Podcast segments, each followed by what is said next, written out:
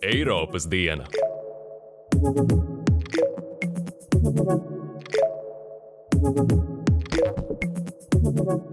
Sveicināti Eiropas dienā! Es esmu Anis Sīvāns, un šo podkāstu epizodi veltīsim pēdējo divu nedēļu galvenajai aktualitātei, kas ir notikumi Afganistānā, bet konkrētāk par to, kā Eiropas Savienība evakuē savā labā strādājušos vietējos iedzīvotājus, kuriem līdz ar Talibanu atnākšanu draud briesmas.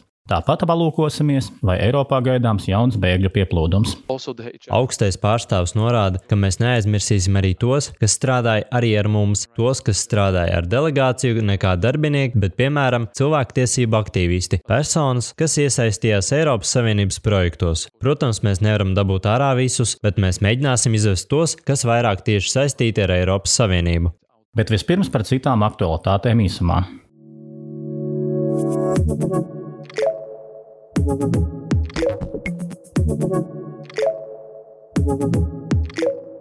Vācijas tiesa lēmusi, ka gāzes cauruļvads Nord Stream 2 nav izņēmums, un tam ir jāpilda Eiropas Savienības noteikumi, kas nosaka, ka cauruļvadam un gāzes piegādātājam nedrīkst būt viens un tas pats īpašnieks. Ar šo Diseldorfas augstākās reģionālās tiesas lēmumu ir noraidīta Gazprom vadītā projekta prasība, ka šādi noteikumi ir diskriminējoši.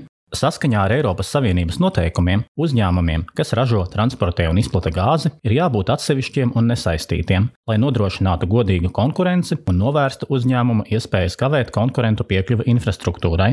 Tas nozīmē, ka gāzes transportēšanas jaudas būs jāizsola trešajām personām, Nord Stream 2 operators uzskata, ka 2019. gada noteikumi ir radīti, lai traucētu cauruļvada darbību. Identiskais cauruļvads Nord Stream 1, kas atklāts 2011. gadā, no šīs prasības tika atbrīvots, jo tika uzskatīts par starpsavienojumu, nevis tiešu gāzes piegādātāju. Pret Nord Stream 2 projektu stingri iestājās virkne Eiropas valstu, Ukraina un Vašingtona, norādot, ka projekts palielina Eiropas atkarību no Krievijas energoresursiem. Taču ASV prezidents Joe Bidenis jūlijā vienojās ar Vācijas kancleri Angelu Merkeli, ka ASV nepiemēros sankcijas pret gāzes vada cēlējiem, līdz ar to projekts tuvākajā laikā tiks pabeigts. Kremļa saimnieks Vladimirs Putins augustā paziņoja, ka atlicis uzbūvēt vēl 15 km cauruļvadu.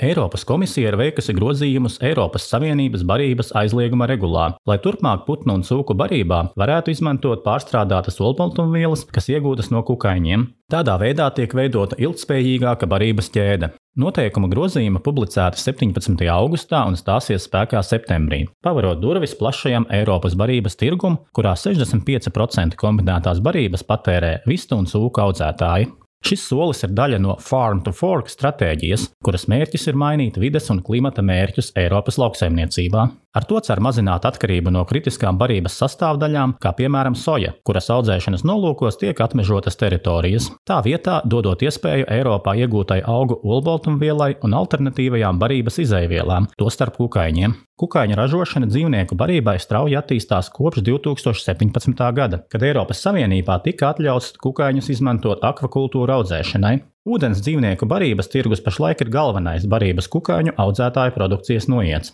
Paredzams, ka pēc noteikumu izmaiņām pieprasījums pēc no kukaiņiem ražotas barības pieaugs. Kukaiņu izmantošana dzīvnieku barībā sniedz iespēju uzlabot apriti lauksaimniecības resursu pārvaldībā par uz vietas iegūtām olbaltumvielām. Turklāt tas nāk par labu dzīvniekiem, kuriem kukaiņi ir daļa no dabīgās barības. Nesen kādā pētījumā atklāts, ka kukaiņu pievienošana mājputnu ēdienkartē samazina spalvu izknāpšanas uzvedību, kas ir izplatīta problēma komerciālās vistu fermās. Savvaļas ugunsgrēki, kas augustā plosījās pie Atēnām un citur Grieķijā, uzskatāmi parāda nepieciešamību radikāli mainīt pieeju globālās sasilšanas apturēšanai, paziņoja Grieķijas premjerministrs Kirjaks Mitsotakis. Uzrunā parlamentā premjerministrs uzsvēra, ka ir jāmaina viss, lai minimizētu klimata krīzes ietekmi. Tas ietver gan lauksaimniecību, gan pārvietošanos, enerģijas ražošanu un celtniecību, paskaidroja politiķis. Augustā Grieķija piedzīvoja augstākās gaisa temperatūras kopš 1987. gada. Liesmas aprija vairāk nekā ceturdaļu miljonu akru priežu mežu un plosījās arī pie antīko olimpisko spēļu arheoloģiskā objekta. Tika fiksēti 1279 savvaļas ugunsgrēki, no kuriem vairums tika ātri likvidēts, bet daži paspēja izplesties. Premjers norāda, ka valdības primārais uzdevums bija glābt cilvēku dzīvības. Valdības vadītājs arī sola uzlabot glābēju spējas, dzēst ugunsgrēkus no gaisa un izveidot vienības, kas spēj efektīvi apkarot liesmas mežos. Ugunsgrēkos smagi skartajai Evijas salai un Atikas reģionam pie Atēnām premjeras apstiprinājis 500 miljonu eiro palīdzības budžetu.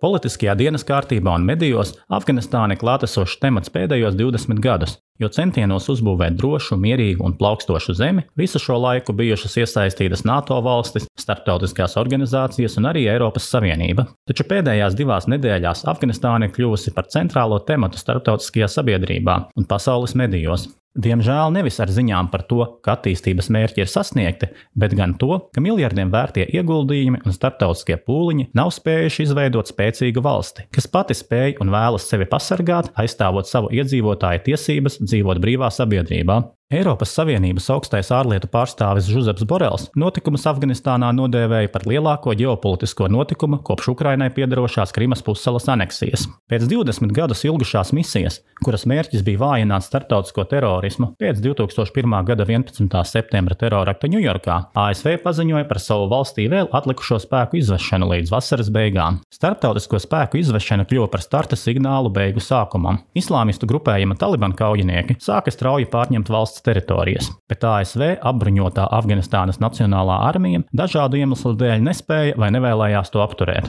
Nedēļā pirms Kabulas nonākšanas kaujinieku rokās neticamā ātrumā cita pēc citas krita valsts lielākās pilsētas. Kārša namiņš sagruva, un svētdien, 15. augustā, talibi iesoļoja galvaspilsētā Kabulā, no kuras jau bija aizbēdzis prezidents Ašrafs Ganī. Afganistānas valdība sagruva ātrāk par vispesimistiskākajām prognozēm. Islāmistu fundamentālistu atgriešanās daudziem atsauca atmiņā Taliban režīma laiku pagājušā gadsimta 90. gados, kad sievietes nedrīkstēja iziet no mājas bez vīriešu pavadoņiem, tām bija liekta izglītība un darbs. Valstī tika izpildīti publiski nāves sodi un piekopta miesas sodi. Lai gan Taliban līderi apgalvo, ka ir mainījušies un sola nevajāt savas ideoloģijas pretiniekus, ir grūti paļauties uz vārdiem, ko saka tie paši cilvēki, kuri vēl nesen draudēja, spridzināja, nogalināja un vajāja nevien valdības spēku pārstāvjus, bet arī žurnālistus un cilvēktiesību aktīvistus. Arī ziņas no Talibana jau ieņemtajiem rajoniem un pašas Kabulas dažkārt ir pretrunā kaujinieku runas vīru solītajai žēlastībai. Taliban straujā ienākšana Kabulā daudzus pārsteidza nesagatavotus. Pilsētā jau atradās tūkstošiem bēgļu no iepriekš ieņemtiem valsts rajoniem. Cilvēki masveidā devās uz ASV un sabiedroto karavīru apsargāto Kabulas lidostu, cerībā pamest valsti. Tas izraisīja haosu, kura dēļ pat nācās uz laiku apturēt evakuācijas lidojumus jo cilvēki atradās uz skrejceļa un pat ķērās klāt braucošām lidmašīnām. ASV un citas valstis evakuēja savu vēstniecību personālu un pilsoņus, kā arī tos afgāņus, kas palīdzēja diplomātiskajām un militārajām misijām, gan kā tulki, šoferi un visi citi vietējie darbinieki. Tomēr paveikt visu šo desmitiem tūkstošu cilvēku evakuāciju ierobežotā laikā un haosa apstākļos ir izaicinājums. Pagājušajā nedēļā valstis sāka brīdināt, ka nespēs palīdzēt visiem, un vēl nebija skaidrs, vai misija varētu tikt pagarināta pēc 31. augusta, ko ASV bija noteikušas kā savu spēku izvešanas galējo termiņu, un kura pagarināšanai iebilst grupējums Taliban. Tas ir matemātiski neiespējami. Tā iespēja līdz 31. augustam evakuēt visus tos, kas palīdzēja ārvalstu spēkiem un misijām, kā arī viņu ģimenes locekļiem, raksturoja Eiropas Savienības augstais pārstāvis ārlietās Žuzeps Borels. Viņš runāja par aptuveni 60 tūkstošiem cilvēku, bet kas attiecas uz afgāņiem, kuri strādājuši tieši Eiropas Savienības misijas labā, runa ir par aptuveni 400 evakuējamām personām. 24. augustā Eiropas Savienība paziņoja, ka visas šīs personas ir evakuētas, ja neskaita dažus cilvēkus, kas turpina strādāt Kabulas lidostā. Par to, kā rit šo cilvēku evakuācija un kādas ir Eiropas Savienības iespējas palīdzēt tiem, kas paliks aiz svītras, tajā pašā dienā jautāju Eiropas ārējās darbības dienesta galvenajam runasvīram Peteram, Stano. Es, es, Eiropas Savienības prioritāte, ko paziņoja augstais ārlietu pārstāvis, ir dabūt laukā visus tos afgāņus, kas strādāja ar Eiropas Savienības delegāciju. Tā ir mūsu vietējā komanda, ieskaitot viņu ģimenes, un šis skaitlis ir ap 400 atbilstoši cilvēki. Un līdz šim es varu apstiprināt, ka vairāk nekā 400 cilvēki jau ir drošībā ārpus Afganistānas, un viņi ir vai nu fiziski Eiropas Savienībā, vai ceļā uz Eiropas Savienību. Taču tas nenozīmē, ka evakuācijas operācija līdz ar to ir beigusies. Eiropas Savienība vēlas palīdzēt arī citiem cilvēkiem. Augstais pārstāvs norāda, ka mēs neaizmirsīsim arī tos, kas strādāja arī ar mums, tos, kas strādāja ar delegāciju, ne kā darbinieki, bet piemēram cilvēktiesību aktīvisti, personas, kas iesaistījās Eiropas Savienības projektos. Protams, mēs nevaram dabūt ārā visus, bet mēs mēģināsim izvest tos, kas vairāk tieši saistīti ar Eiropas Savienību. Operācija turpinās, mūsu pūliņi nav apturēti, un mēs ļoti intensīvi strādājam ciešā sadarbībā ar citām valstīm un partneriem, lai izvestu visus tos cilvēkus, kas atbilst parametriem. Stano neatklāja, cik ir šādu cilvēku, kurus vēl vajadzētu evakuēt kā Eiropas Savienības partnerus, norādot, ka šī informācija ir sensitīva un pagaidām nav publiskojama drošības apsvērumu dēļ. Savukārt jau ap 400 evakuētie cilvēki ir Eiropas Savienības delegācijas tiešie darbinieki un viņu ģimenes locekļi. Mēs runājam par aptuveni 400 cilvēkiem, kas ir tieši Eiropas Savienības delegācijas vietējie darbinieki. Tā ir Eiropas Savienības delegācija, ko vada no mītnes Briselē un šie 400 iekļauj viņu ģimenes locekļus. Ne visiem ir darba līgums ar Eiropas Savienību, bet vietējais personāls ar ģimenēm veido šos aptuveni 400 cilvēkus. Vietējie darbinieki nodrošināja pakalpojumus un darīja darbus, ko parasti vietējā komanda dara mūsu delegācijām visā pasaulē. Tas ir tas pats, ko vietējais personāls dara jebkurā vēstniecībā. Jā, tas iekļauj loģistikas atbalstu, šoferus, tulkus, asistentus, būtībā visu, ko nedara paši diplomāti. Paralēli savus pilsoņus un individuālo diplomātsko misiju vietējos darbiniekus evakuē arī atsevišķas dalību valstis. Tās ir katras valsts pūles, ko tās pārsvarā var izdarīt pašas vai sadarbībā ar citām dalību valstīm. Mums, kā Eiropas Savienības institūcijai, bija svarīgi fokusēties uz šiem 400 cilvēkiem, jo viņiem nav valsts, kura tos uzņemtu, jo viņi strādāja Eiropas Savienības delegācijai, bet viņus nevar transportēt ar Eiropas lidmašīnām, jo Eiropas Savienībai kā institūcijai nav lidmašīnas. Viņus nevar nevar nogādāt vienkārši uz Eiropas Savienību, jo tai kā institūcijai nav savas teritorijas. Mēs neizsniedzam vīzas, tāpēc ir nepieciešama sadarbība un dalību valstu palīdzība, lai izvestu šos cilvēkus ar lidmašīnām un nokārtot viņiem vīzas un starptautisko aizsardzību. Tas nozīmē uzņemt viņus, kad viņi ierodas Spānijā, jo Spānija piedāvā būt par bāzi, kur vispirms ielido Eiropas Savienības evakuētais personāls un viņu ģimenes locekļi. Vispirms viņi ierodas Spānijā un tad tiek sadalīti pa dalību valstīm, kuras piedāvā viņus uzņemt un sniegt patvērumu. Evakuēto afgāņu un viņu ģimenes locekļu sadalīšana pa dalību valstīm notiek saskaņā ar pašu valstu piedāvājumu. Vairākas valstis ir apņēmušās uzņemt noteiktu cilvēku skaitu, atklāja Stano, izsakot pateicību par to. Savukārt pats evakuācijas process tiek rūpīgi koordinēts. Tas bija ļoti precīzi koordinēts process. Protams, Eiropas ārējās darbības dienests bija koordinators un bija kontaktā ar dalību valstīm, cenšoties rast iespēju vienoties par lidojumiem no Kabulas un sarunāt vietu šiem cilvēkiem. Pirmkārt, izsniegt vīzas, un tad sniegt vai nu patvērumu un aizsardzību, vai ļaut uzturēties savā teritorijā. Tas bija ļoti koordinēts process starp Eiropas Savienības institūcijām un dalību valstīm, par ko mēs dalību valstīm esam ļoti pateicīgi. Tā kā operācija intervijas brīdī joprojām turpinājās, Stano neatklāja nianses, kā notiek saziņa ar cilvēkiem Kabulā un kā tiek nodrošināta viņu droša nokļūšana līdz lidostai. Runas vīrs gan atzīst, ka izaicinājumu ir bijis daudz. Mēs darbojamies samērā naidīgā vidē, un es varu atklāt tikai to, ka mums ir neliela komanda - diplomāti amatpersonas un eksperti, kas ir notikumu vietā un piedalās šīs evakuācijas organizēšanā. Bet šī ir notiekoša operācija, un kā jau es teicu, jautājuma sensitivitāte un ļoti sarežģītās situācijas uz vietas dēļ es pašlaik neatklāšu nianses. Joprojām notiekošās operācijas laikā, evakuējot Eiropas Savienības labā strādājošos cilvēkus, ir bijuši daudz izaicinājumu, bet tā kā tas viss turpinās, es nedrīkstu atklāt operacionālās nianses jo process vēl nav pabeigts, un joprojām Afganistānā esošo cilvēku drošības dēļ es nevaru atklāt visu. Kad operācija būs noslēgta, mēs būsim priecīgi dalīties ar informāciju. Vai Eiropas Savienībai ir iespējas palīdzēt cilvēkiem, kas netiks uz lidostu un paliks Afganistānā? Eiropas Savienība augstākajā līmenī ir ļoti skaidri teikusi, ka vēlas turpināt atbalstīt Afganistānas cilvēkus. Ir skaidrs, ka visi nevar aizbraukt, jo ne visus var uzņemt Eiropā bet svarīgi ir šobrīd turpināt sniegt, piemēram, humāno atbalstu. Tur pašlaik ir daudz iekšējo bēgļu, tāpēc komisijas prezidente nesen paziņoja par mūsu humanās palīdzības palielināšanu, sasniedzot 200 miljonus eiro. Iepriekš paredzēto vairāk nekā 50 miljonu vietā. Tas darīts, lai parūpētos par šiem cilvēkiem, lai pārliecinātos, ka mēs varam nodrošināt viņu pamata vajadzības caur starptautiskajiem partneriem, ANO aģentūrām vai nevalstiskajām organizācijām. Nodrošināt humanās palīdzības piekļuvi ir viena no galvenajām prasībām talibiem. Palīdzība nepieciešama cilvēkiem Afganistānā un cilvēkiem, kas būs ārpus Afganistānas. Mēs jau tagad palīdzam ļaudīm, kas atrodas Pakistānā un Irānā.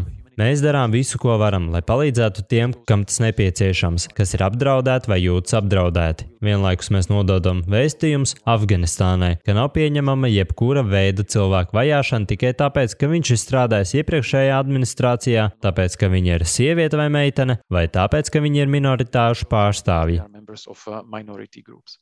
Vai būtu iespējams, ka Eiropas Savienības dalību valstu spēki paliek Kabulas lidostā arī pēc amerikāņu karavīru aiziešanas? Eiropas Savienība nav daļa no militārās operācijas, tāpēc man ir grūti teikt un runāt to dalību valstu vārdā, kurām joprojām tur ir spēki. Mums ir ļoti svarīgi, lai mēs varam pabeigt evakuāciju, cik ātri tas ir iespējams, un dabūt ārā visus tos, kas strādā Eiropas Savienības labā vai kaut kādā veidā bija saistīti ar Eiropas Savienību un jūtas apdraudēti.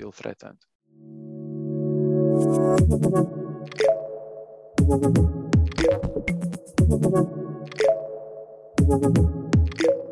Kamēr Eiropas Savienība kā institūcija un atsevišķas dalību valstis evakuē savā labā strādājušos Afganistānas iedzīvotājus, plašāk Eiropas līmenī sākusies diskusija, kā novērst pēkšņu afgāņu bēgļu pulcēšanos pie Savienības ārējām robežām. Bažām ir pamats, ja ņem vērā, ka afgāņu bēgļi, kuru skaits kaimiņu valstīs sasniedz 2,2 miljonus cilvēku jau pirms Talibanu uzvaras, bija viena no lielākajām bēgļu grupām pasaulē. Šī gada laikā, vēl pirms Talibanu kontrolēja visu valsti, savas mājas konflikta dēļ jau bija spiesti pamest vairāk nekā pusmiljons cilvēku, liecina no dati. Tas nozīmē, ka tagad valsts iekšienē pārvietoti aptuveni 3,5 miljoni cilvēku, bet tūkstoši pēdējās nedēļās cenšas izkļūt no valsts. Lielākās cerības tikt prom ir tiem, kuriem ir ārvalstu vīzas vai pamatojums tās iegūt, taču pašlaik Kabulas lidostas noslodze ir tāda, ka arī visi šie cilvēki izlidot līdz evakuācijas operācijas beigām var nepaspēt. Tiek lēsts, ka kopš 2001. gada ar ASV spēkiem bijuši saistīti līdz 300 tūkstošiem afgāņu. No tiem desmitiem tūkstošiem ir tiesības iegūt ASV vīzu. Tūkstošiem afgāņu pienākas vīzas arī no citām valstīm. Jāatceras, ka visas pieejas Kabulas lidostē kontrolē Taliban kaujinieki, un viņa rokās ir vara laist vai nelaist cilvēkus tālāk. Tomēr arī ārpus Kabulas afgāņu iespējas pamest valsti ir ierobežotas. Kauķinieki kontrolē visus sauszemes robežu pārējais punktus ar kaimiņu valstīm. Turklāt grupējuma līderi ir paziņojuši, ka nevēlas cilvēku aizplūšanu. Pašlaik zināms, ka robežu atļaus šķērsot tirgoņiem un derīgu ceļošanas dokumentu turētājiem. Līdz ar to lielajam vairumam afgāņu nav iespējas pamest valsti pa regulārajiem kanāliem, kas viņu cerības izceļot padara vājas. Tomēr mediju ziņas liecina, ka vairākiem tūkstošiem izdevies šķērsot Pakistānas robežu neilgi pēc Talibanu uzvaras. Ap 1500 afgāņi iekļuvuši Uzbekistānā, kur tagad izmitināti telši nometnē pie robežas. Tāpat tiek ziņots, ka vēl tūkstoši gaida iespēju iekļūt Pakistānā. Pērn visvairāk afgāņi devās uz Pakistānu un Irānu, bet no Eiropas valstīm 2020. gadā vislielākais apjoms, jeb 181 tūkstošus cilvēku, uzņemts Vācijā. Pēc tam seko Turcija, Austrija, Francija, Grieķija un Zviedrija. Ja aplūko patvērumu lūdzēju skaitu, kuru prasības vēl nav izskatītas, tad pirmais trīnieks ir Turcija, Vācija un Grieķija ar 125 tūkstošiem prasību Ankarā. Sākoties pašreizējai krīzei, Turcija paziņoja par nodomu celt sienu uz savas robežas ar Irānu, lai novērstu bēgļu pieplūdumu. Savukārt Grieķija būvē žogu uz robežas ar Turciju. Francijas prezidents Emmanuels Makrons brīdināja, ka Eiropas Savienība nedrīkst pieļaut nelegālās imigrācijas pieplūdumu caur tādām valstīm kā Irāna, Turcija un Pakistāna. Vācijā bažas pauda kristīgo demokrātu līderis Armīns Lašets, brīdinot, ka nedrīkst atkārtot tādu situāciju, kādu Eiropa piedzīvoja 2015. gadā, kad bloku Sīrijas kara laikā pārpludināja vairāk nekā miljons patvēruma meklētāju. Eiropas iekšlietu komisāre Ilva Johansone augusta beigās brīdināja, ka Eiropas Savienībai ir jāiejaucas pirms no Taliban bēgošie cilvēki pulcējas pie bloka robežām. Zinot, uz ko ir spējīgs Taliban, situācija ir ļoti satraucoša, un daudzi Afganistānā ir briesmās. Ir svarīgi viņus aizsargāt, viņa uzskata. Taču 2015. gads ir devis mācību, tāpēc nedrīkst gaidīt, līdz bēgļi jau būs pie robežām, bet jārīkojas daudz agrāk, viņa skaidro. Šī rīcība, protams, ietver naudu, kas nepieciešama, lai pirmkārt palīdzētu 3,5 miljoniem iekšēji pārvietoto afgāņu. Eiropas Savienībai būtu arī jāatbalsta ANO bēgļu aģentūra un Afganistānas kaimiņu valstis, kas ir pirmie afgāņu bēgļu galamērķi. Mērķis ir sniegt palīdzību, lai cilvēki pa nedrošiem cilvēku kontrabandas maršrutiem nedotos uz Eiropu, uzsver Johansone. Šai sakarā komisāre precizē, ka pa nelegāliem ceļiem uz Eiropu dodas pārsvarā vīrieši, bet visvairāk apdraudētas Afganistānā ir sievietes un meitenes, tāpēc vairāk jādomā par viņu aizsardzību. Briestošā humānā krīze ir aktualizējusi 2015. gada karsto jautājumu par bēgļu sadales mehānismu starp dalību valstīm. Tādās valstīs kā Austrijā un Slovenijā premjerministri jau paziņojuši, ka ir pret afgāņu bēgļu uzņemšanu.